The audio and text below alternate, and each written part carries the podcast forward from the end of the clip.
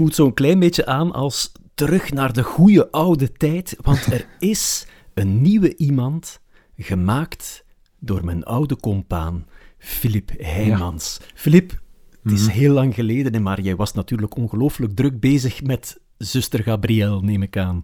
Ja, en deze iemand heeft daar ook mee te maken. Het is iemand die ook in die reeks over zuster Gabriel zat. Ik heb heel veel reactie op haar getuigenis gekregen en eigenlijk was haar verhaal toch nog een stuk uitgebreider dan ik in die reeks over zuster Gabriel kon laten horen. Dus daarom zou ik haar graag hier nog wat meer ruimte geven. Het gaat over Josephine Blommaert. Juist, dat was die ex-kloosterzuster die vertelde over haar ervaringen in het klooster. Hè? Ja, een ex-kloosterzuster met een heel opmerkelijk verhaal. Bijvoorbeeld, zoals je al kon horen in die andere reeks, waarom ze in het klooster is gegaan. Niet zoals ik dacht, omdat ze de stem van God had gehoord, maar wel om een heel andere reden. Die helperde bij ons, kwam helpen. Die heeft mij zodanig gechanteerd dat ik bang was van de mannen. En heeft mij een paar keer vastgepakt, ook voor mij, hem, voor me te bepotelen. En ik had dat niet geren. Ik pas, omdat je dat bij de beesten ziet, moeten wij dat niet doen. Hè. Maar die kon hem dat niet laten. En die verschillende keren maar vastgepakt. En, en dan sprong ik eraf. Van zijn schoot afspringen. Hè. Ja, ja. Later, schrik dat me zo toch zou verkrachten, heb ik hem nooit de kans gegeven om dat te doen. En ik was ermee bang. Ging ik liever binnen gaan. En, Dat is de reden om in het klooster te gaan. ja, dat zijn er veel, zijn. Als je dat doet.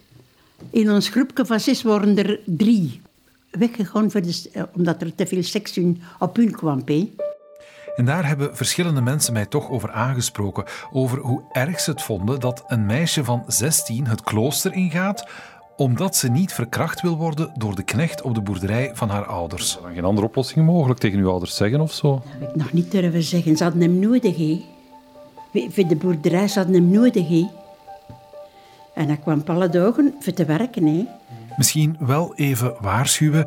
Deze aflevering gaat over psychische problemen en zelfs even over zelfdoding. Dus als dat voor jou gevoelige onderwerpen zijn, dan laat je het misschien beter even zo. In elk geval, ik heb dus meer dan twee uur gepraat met Josephine op haar appartement in Oostende aan de kust. Ja, zijn er langs de dijk gekomen? Ah, voilà, dan heb je nog een schone wandeling gehad. Van dat interview heb ik in mijn podcast over zuster Gabriel uiteraard vooral de stukken gebruikt die relevant waren voor dat verhaal.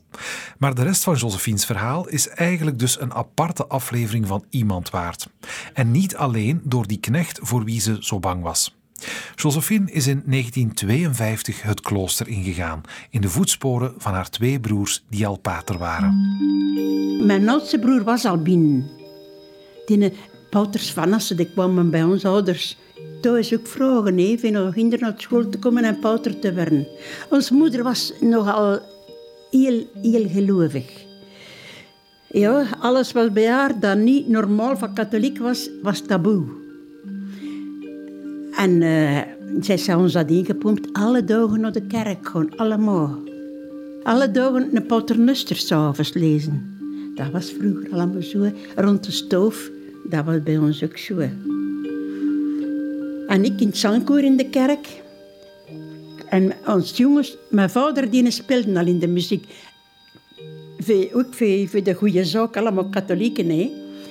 En onze Frans, al onze jongens konden bugel spelen en klarinet. Onze vader alleen speelde bombardon. En ik speelde orgel. Maar ja, toen was ik nog gelukkig.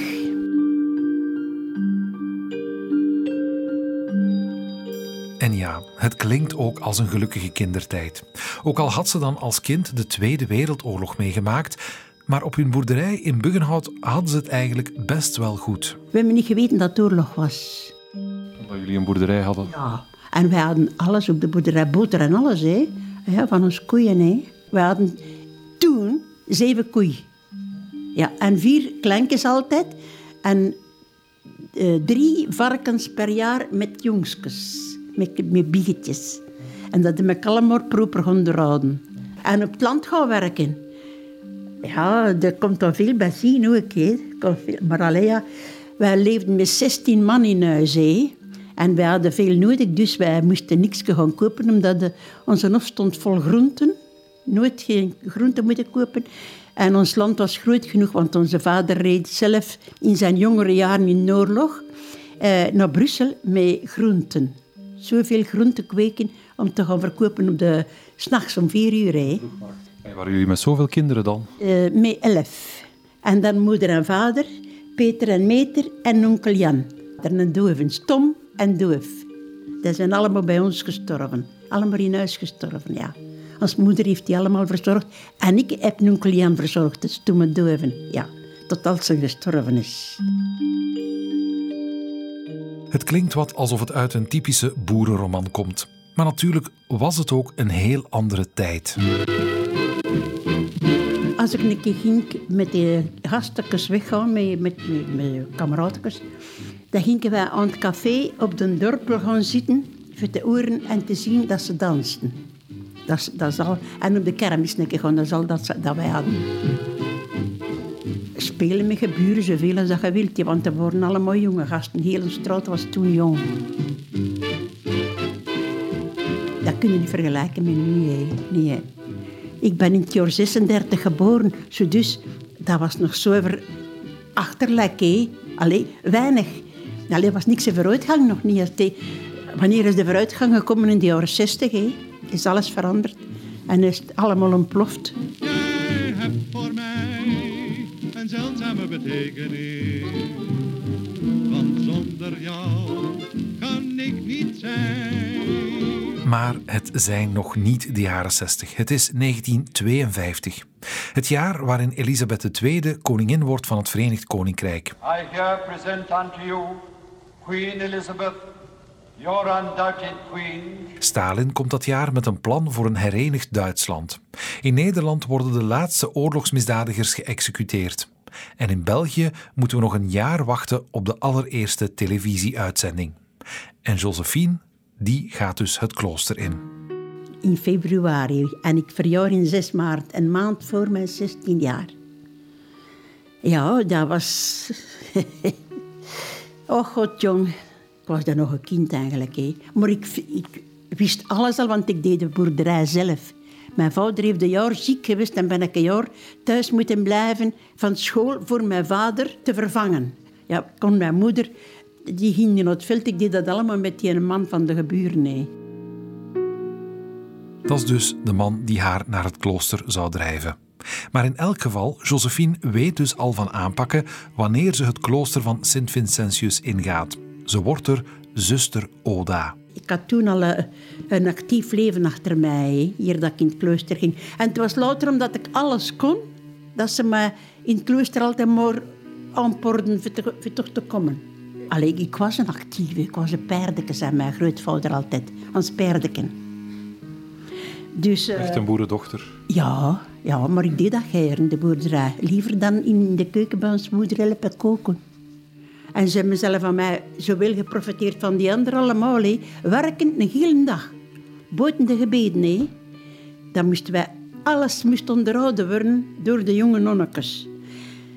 En daar was ik dan ook bij. Dan wel door jaren nog een stuk hebben we allemaal gekuist wassen en strijken. Alles, zelfs matrassen allemaal open doen en al die wol allemaal plukken. Ja, al dat er kon gebeuren, moesten wij doen. Maar dat vond ik allemaal pff, niet erg. Dat was niet zwaarder dan op de boerderij. Ik deed het allemaal om ter liever.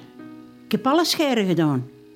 Tot zelfs eh, kassen zitten verhuizen en zo. Ik heb alles... Ik heb niks kunnen zeggen dat ik niet graag deed. Het was heel hard werken, die eerste jaren in het klooster. Hard werken en gehoorzamen. Voor uitstapjes, zoals naar de wereldtentoonstelling in Brussel in 1958, is er geen tijd. Ik zat zo dicht in Ruisburg, zo dicht bij de expo. En ik heb daar zelf niet mogen naartoe gaan. En we in de baan, hè. Allee, we waren per tang alle dagen op de baan. Bij de mensen, maar toch geen tijd voor naar, iets te gaan. Niets, niets, maar ook niets. Werken en werken en nog werken. De jaren dat je jonge jaren doorbrengt, zolang dat je onder, onder ja, dom gehouden worden en alles dan, dan niet strookte met, met, de gezegde, met dat geschreven stond, dat was allemaal taboe. Gebrainwashed, hè? Josephine, zuster Oda, is inderdaad vaak de baan op. Ze wordt aan het werk gezet als thuisverpleegster vanuit bijhuizen van het klooster. Dat was in Nienhoven en in Ruisbroek tegen Brussel. Door twee, die twee huizen heb ik allemaal gewoond en eh, verzorging gedaan op de, ba- op de baan. Eerst met de fiets, de eerste jaar in de jaren 58, 57, 58. Met de fiets, dan in 59, bij, ja, rond de 60, hebben we een, auto gekregen. Dan heb ik daar leren mee rijden. Dan hebben we de verpleging op afstand met dat auto gedaan. Maar we hadden dan ook nog drie brommers. Want ik deed verpleging inderdaad met de andere zusters. Goed, het is van lang voor mijn geboorte en ik heb het dus ook nooit gezien. Maar ik had me toch nooit dat beeld kunnen voorstellen van een kloosterzuster die in haar habit, haar lange kloosterkledij, op een brommer rondrijdt. Zo is dat begonnen. Ja, ja, want... Ja, ja. En dan is dat... De, ze hoorden dat zeggen van ons, dat dat zo moeilijk was met dat tussen die wielen draaien. Die rokken, nou ja, breed rokken, van, van vijf meter breedte dat erin zat. Dus dat waren dikke, grote plooien. En dat was moeilijk. En dan hebben ze gezegd van dat te verkorten. En dan hebben ze ook... We hadden eerst een paardenscherm mee. Paardenbril noemen wij dat. Met een kap, hè. Een gesteven kap. Ja, helemaal. Ik heb dat veel gestreken. En eh, dan hebben ze dat ook afgeschaft. Het is allemaal soepelder geworden. Een soort van sluier. De sluier wel, maar ook in ons gezicht nog, hé. Die bandage nog in, ons, in het begin, hé. Nog in ons gezicht. Want dat is allemaal in de jaren 60 gebeurd. Dat dat eh, verbeterd is. Ja. Toch echt niet evident zijn geweest. Met een lang zwart zusterkleed en een gesteven kap op het hoofd, zo met een brommertje rondrijden. In het Wit-Gelkroos hadden we toen met de zusters van Vincentius ook. En met de zwartzusters waren er ook bij. Beurtelings de nachtdienst. In de dag, maar ook s'nachts. En we hebben gewist, ik heb gewist dat ik s'nachts drie keer moest gaan lijktooien. Niet echt voor verzorging, maar eh, meer lijkverzorging. Alles, ja, dat bij de thuisverpleging. Dat was al, ja, maar dat is nou ook niet meer waar, hè. Nu komt de begrafenisondernemer. Maar wij moesten wel een toer uithalen. Veel. Ik heb zelfs een mens afgelegd van over de 130 kilo in zijn zetel, op mijn alleen. En die moest ik zo rollen voor die kledij aan te krijgen. Hè. En dat heb ik allemaal gedaan alleen. En bevallingen heb ik ook gedaan. Eh, Dat was een madame dat belde naar het klooster dat ze in nood was. En ik er direct naartoe. En dat kindje lag in de nimmer. Chance dat die nog in de nimmer op de wc gegaan was. Want dat kindje lag in de nimmer nog met een navelstreng aan. En dan heb ik dat dan helemaal in orde gebracht. En de, die madame dat verzorgd en dat kindje en de dokter dan gebeld. Maar in Nienhoven, daar heb ik eigenlijk veel lugubere dingen gedaan. Veel zelfmoorden. Overal waar ze konden, zelfs in zijn tuinhuis, ik hem gaan ophangen. Zelfs in, in een achterhuis van hun huis, in een opgangen. Verscheidene uit Watergold. Ik zeg, soms, tot in Appeltijren gingen wij, dat is wel veel met notto te doen, want dat was wel ver. Met een brommer rijden de Langkoeps. hè. Mocht u Oost-Vlaanderen en Vlaams-Brabant niet zo goed kennen, Josephine beschrijft hier echt wel grote afstanden. De plaatsen waar ze naartoe moest om doden af te leggen, bevallingen te doen of zieken te verzorgen, liggen soms wel 50 kilometer van haar klooster in verschillende richtingen. En het werk beperkte zich ook niet tot thuisverpleging. En in Calou heb ik ook gewerkt, in het rusthuis. En daar heb ik een verroos gedaan, een grote verroos, omdat de, heel het gebouw ging in de boze gelegd werden van verwarming.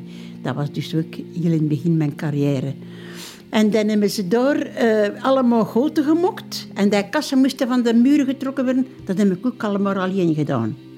Dat weet ik goed van die grote oude kasten. En ze zeiden, dat is nou toch niet gepermitteerd dat je dat alleen doet. Zeg maar, wie kan er helpen? Zuster Anna is een oud mens. Zuster Clotileken is een, is een.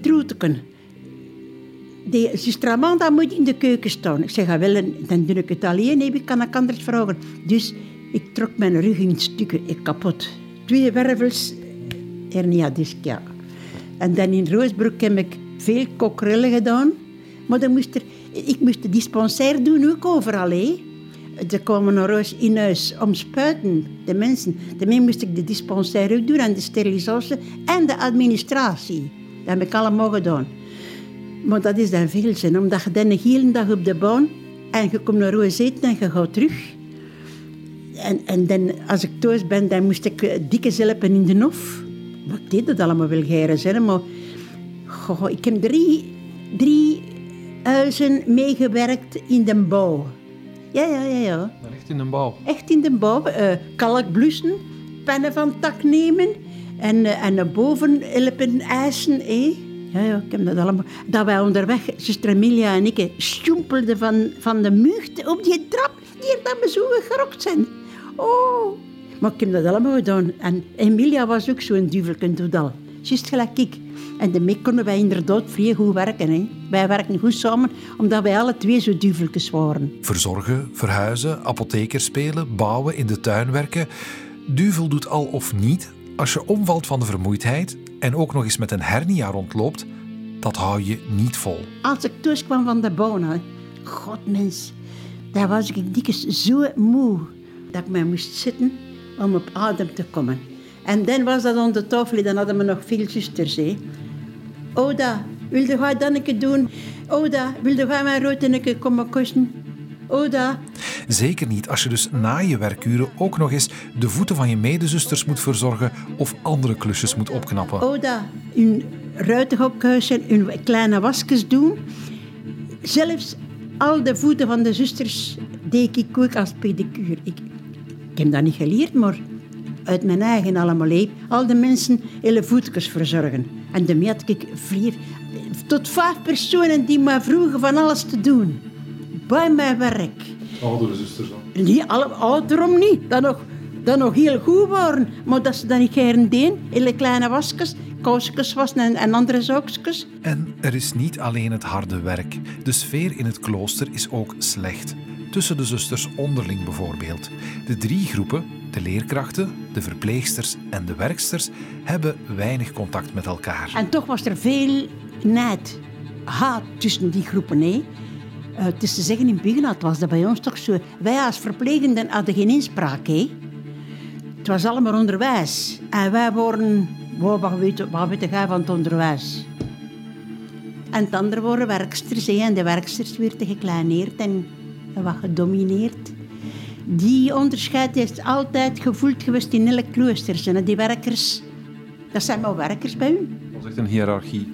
Absoluut, absoluut, absoluut. Er is één medezuster met wie ze een goed contact heeft. Een heel goed contact zelfs. Tot zover dat men bijeenkropen in bed. Want ik, dat zat de compliment niet op, maar zij begon ermee. En eh, ja, omdat ik goed mee heel overeen kwam, moest ik zwagen. Hè. Dan moet een ander niet weten dat wij bijeenkropen. Hè. En eh, ik zeg, ja, maar ik heb maar een klein bedje. En een mens, ja, maar ja, zei ze, wel, die liggen toch in mekaars armen. Ik zeg, ja. Maar iets stiekem is, is iets wat je nou op acquis hè. Omdat je weet dat je dat niet zou mogen doen. Als gewoon bij elkaar liggen, niet meer dan, dan dat. Tuurlijk, ja, ja. Ja, ja, maar ja, het mocht toch ook niet, hè. Mocht toch ook niet. Ja, maar ja, soms schuift er een keer een polken uit, hè.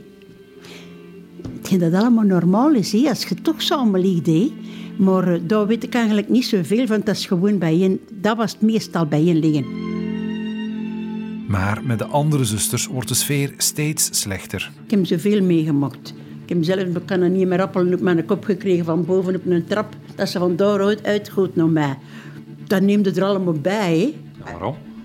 Ah, agressie. De, de vrouwen kunnen ook agressief zijn als ze hun goesting niet krijgen. En als ze gefrustreerd zijn van bepaalde zaken. Ik heb ook bekend een, vod, een, een pot vol urine over mijn kop gekregen op een dortoir. Ja, dat komt er allemaal bij. En die sfeer wordt volgens Josephine nog in de hand gewerkt door de toenmalige overste van het klooster. Een vrouw voor wie ze geen goed woord meer over heeft. Ik heb jaren aan een stuk achter die overste in de kapel moeten zitten. De overste zat van voor op de stoel voor de mis en voor het gebed. En ik, wij zaten op de eerste volgende bank. Ik zat er ook. En ik dacht, iedere dag was zij er nu weer om de kokstoven om de zusters te treiteren. En dan zei ik er dan ook bij, een wit gekalkt graf. Tegen ons hier allemaal, hè? Dat heb ik dik alle dagen gezegd. Hier zit een wit gekalkt graf. Een moordenaar noem ik dat. Allemaal onze moraal kapot maken. Josephine begrijpt dat er discipline nodig is in een klooster. Je zit daar nu eenmaal met allemaal vrouwen met verschillende karakters en van verschillende achtergronden. Over de meeste oversten wil ze dan ook niet klagen. Maar over die ene dus wel. Wij gingen buiten. Ja, heel voorgaan, is is overste. hè. En ze ging deze sloeg de deur toe. Dat is nummer één. De tweede deur aan de keuken. Ze doet de deur open, ze sloeg die toe en ik stoot er terug. Ik moet oppassen of het vliegt tegen mijn neus. Dikke zeggen geweest. De, de, de laatste deur, dat had ze mij al zo dikke gelapt. Hetzelfde lieken. En daar zat ik tegen. Wat dat er mij toen beheerst dat weet ik niet, maar ik was ervan zo kwaad. ja, dat zijn toch geen manieren dat je dan zo overste altijd dat, deur tegen haar neus krijgt. Oh, dat was toch een ex. En de zusters waren te braaf om te reageren, zegt Josephine. Ze waren opgevoed om te gehoorzamen, niet tegen te spreken. S vrijdags moesten wij op onze knieën eten. Aan tafel. Allemaal op onze knieën. Behalve die oude zusters daar. Maar wij moesten allemaal op de grond op onze knieën zitten en zo ons, ons bord leeg eten.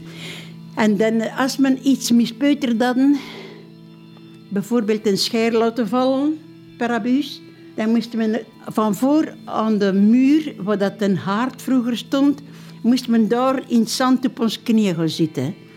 Die binnen dan vragen of dat we mochten ons zondags biechten. dat ze me misdaan hadden. Dan moesten we dat daar in het publiek vertellen, luidop, hé, dat al de zusters dat hoorden. En als er iets was dat serieus was, dan moest men ons bord nemen en daar gaan opeten. In het zand. In het zand. Ja, want dat lag allemaal met zand bestrooid vroeger. Maar dat valt van haar en dat is nou niks. Hè. En dan één keer per week, zondags voormiddags, was het kapitel.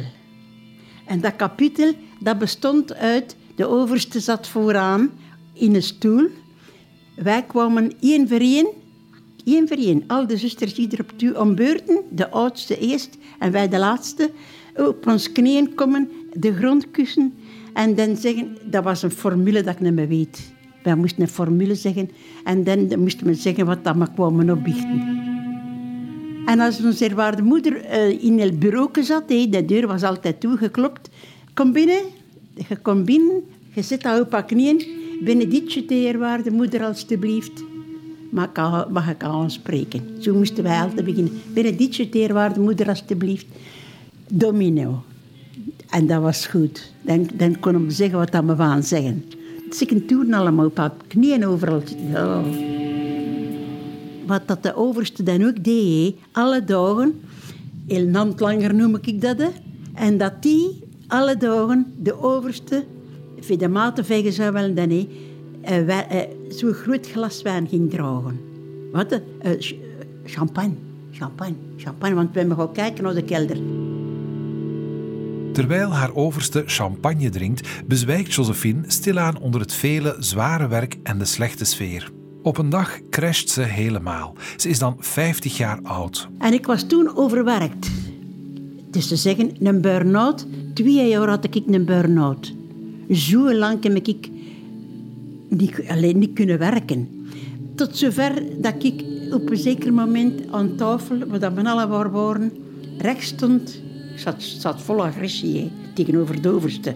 Rechts staan en heel saus gegeven een kwartier aan een stiek heb ik heel saus gegeven. Zo vol zat ik van, agressie. Ja, je mocht dan nooit niet uit. nee, Je mocht, en je moest dan nog bij de smile in mijn je gaat. Ik kost dat goed, hè.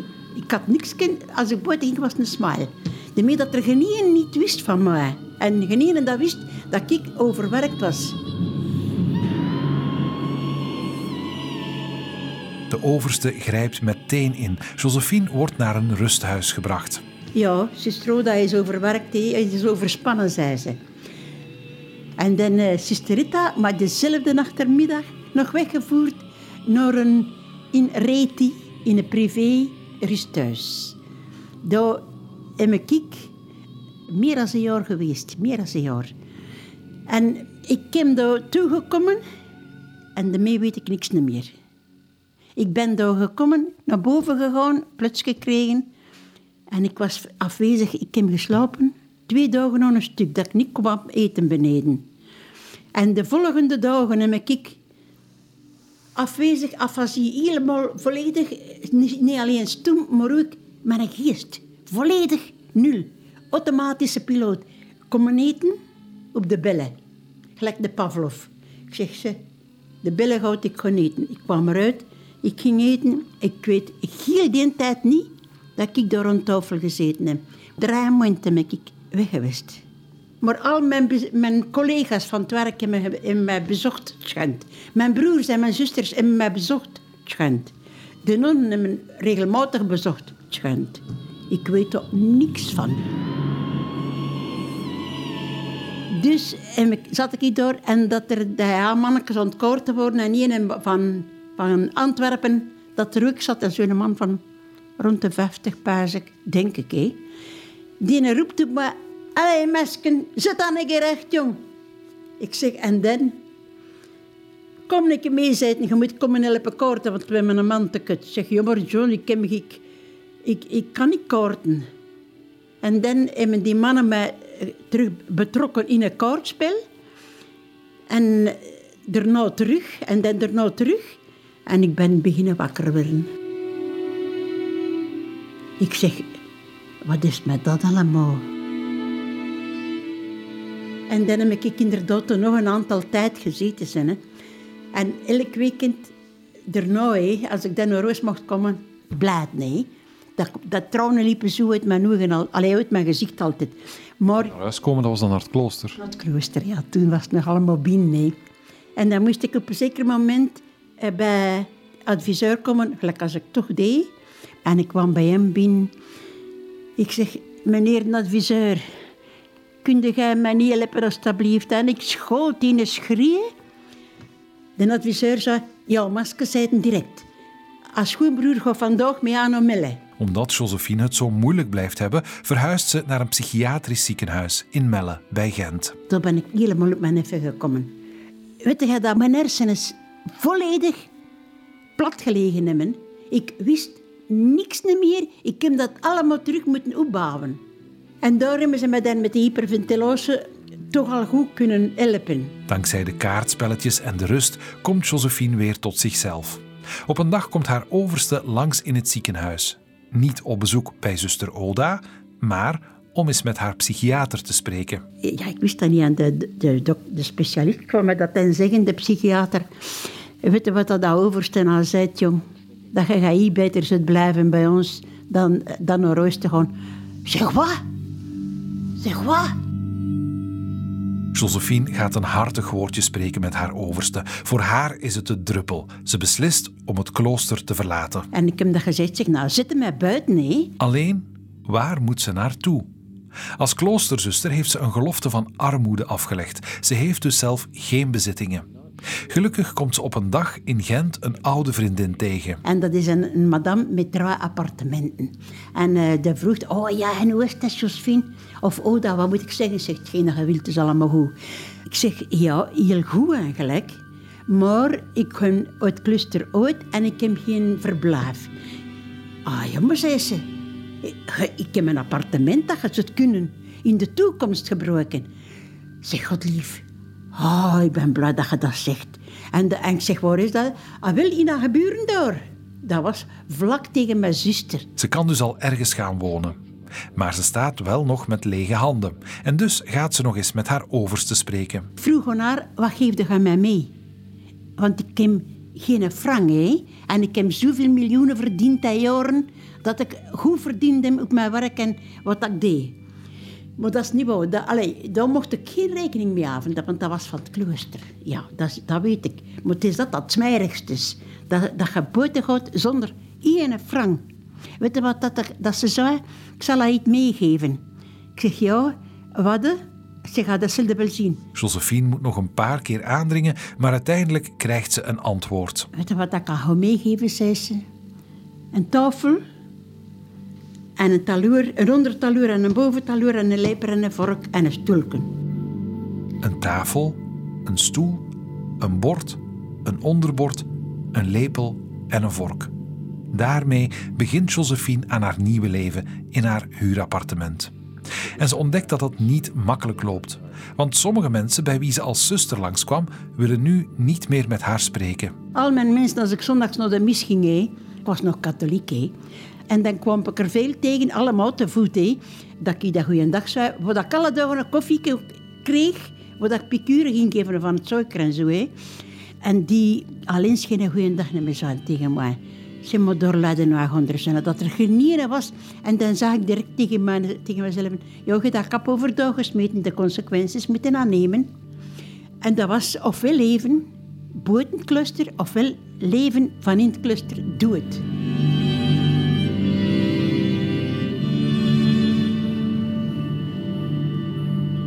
Dat mag je letterlijk nemen. Josephine heeft het niet makkelijk gehad in die eerste jaren na het klooster. Ik heb gezegd tegen mezelf, ik heb nou beslist van te lijven, want ik had trouw moordpogingen achter de rug. Hè. Zelfmoordpoging. Maar is, ik heb geen ene keer kunnen uitvuren, dat wil zeggen dat ik niet mocht. Hè. Anders had ik het gedaan. Hè. Maar dat is omdat ik altijd nog zo open... Ik had mijn volk, ik mocht dat niet doen. Als ik daarvoor stond en dat wilde doen, oh, wat gaat mijn volk zeggen? Maar oh, die gewoon ver, ongelooflijk verdrieten omdat ik weg ben. Ja, in de heb ik het nooit niet durven doen, omdat ik nog te veel broers en zusters had. Hè. Als ik 50 jaar was, hadden we allemaal elkaar nog. Nog naar alle negen dat we groot geworden zijn. Dan heb ik... Uh, dat, dat, de derde keer heb ik gezegd, nee, je mocht dat niet doen, jong. Want het is al twee keer dat het mislukt is dat je, dat je gezegd hebt, doe het niet, want dat volk zal triestig zijn. Ik zei, en heb ik gezegd, allee ja, dat wil zeggen dat ik het niet mag doen. Anders zou, dat, zou ik dat gedaan hebben. Maar ze is het dus te boven gekomen. Niks aan de kranige tachtiger die voor mij zit verraadt wat ze allemaal heeft meegemaakt tussen haar 16 en haar 50. Intussen is ze dus al meer dan 30 jaar uit het klooster. Ik grap dat ze misschien ook 105 kan worden, zoals de moeder van zuster Gabriel. dat wil ik niet. Mijn broer zei altijd 100 jaar. Ik zeg, nee man, ik wens me dat niet toe, want ik heb dat niet gern. Je bent volledig nutteloos. En waarom moet ik nou nog voortleven? Ik heb een goed leven gehad. Want al dat ik tegengekomen heb, dat is voorbij. Ik heb het overwonnen. Dus moet ik daar niet meer op terugslagen. Hè? Nee, nee, dat is weg. In het verleden is weg. Ik leef in de, de dag van dag. In de toekomst kan ik nog niet veel leven.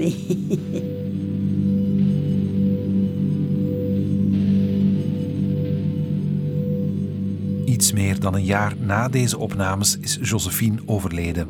Haar familie heeft toestemming gegeven om het interview nog te gebruiken. Ze herkennen Josephine's verhaal, maar kunnen niet alle details bevestigen. Zit je zelf met vragen over zelfdoding, dan kun je terecht bij de zelfmoordlijn op het gratis nummer 1813 of op zelfmoord1813.be. Voor een goed gesprek kun je ook bellen naar teleonthaal op het nummer 106.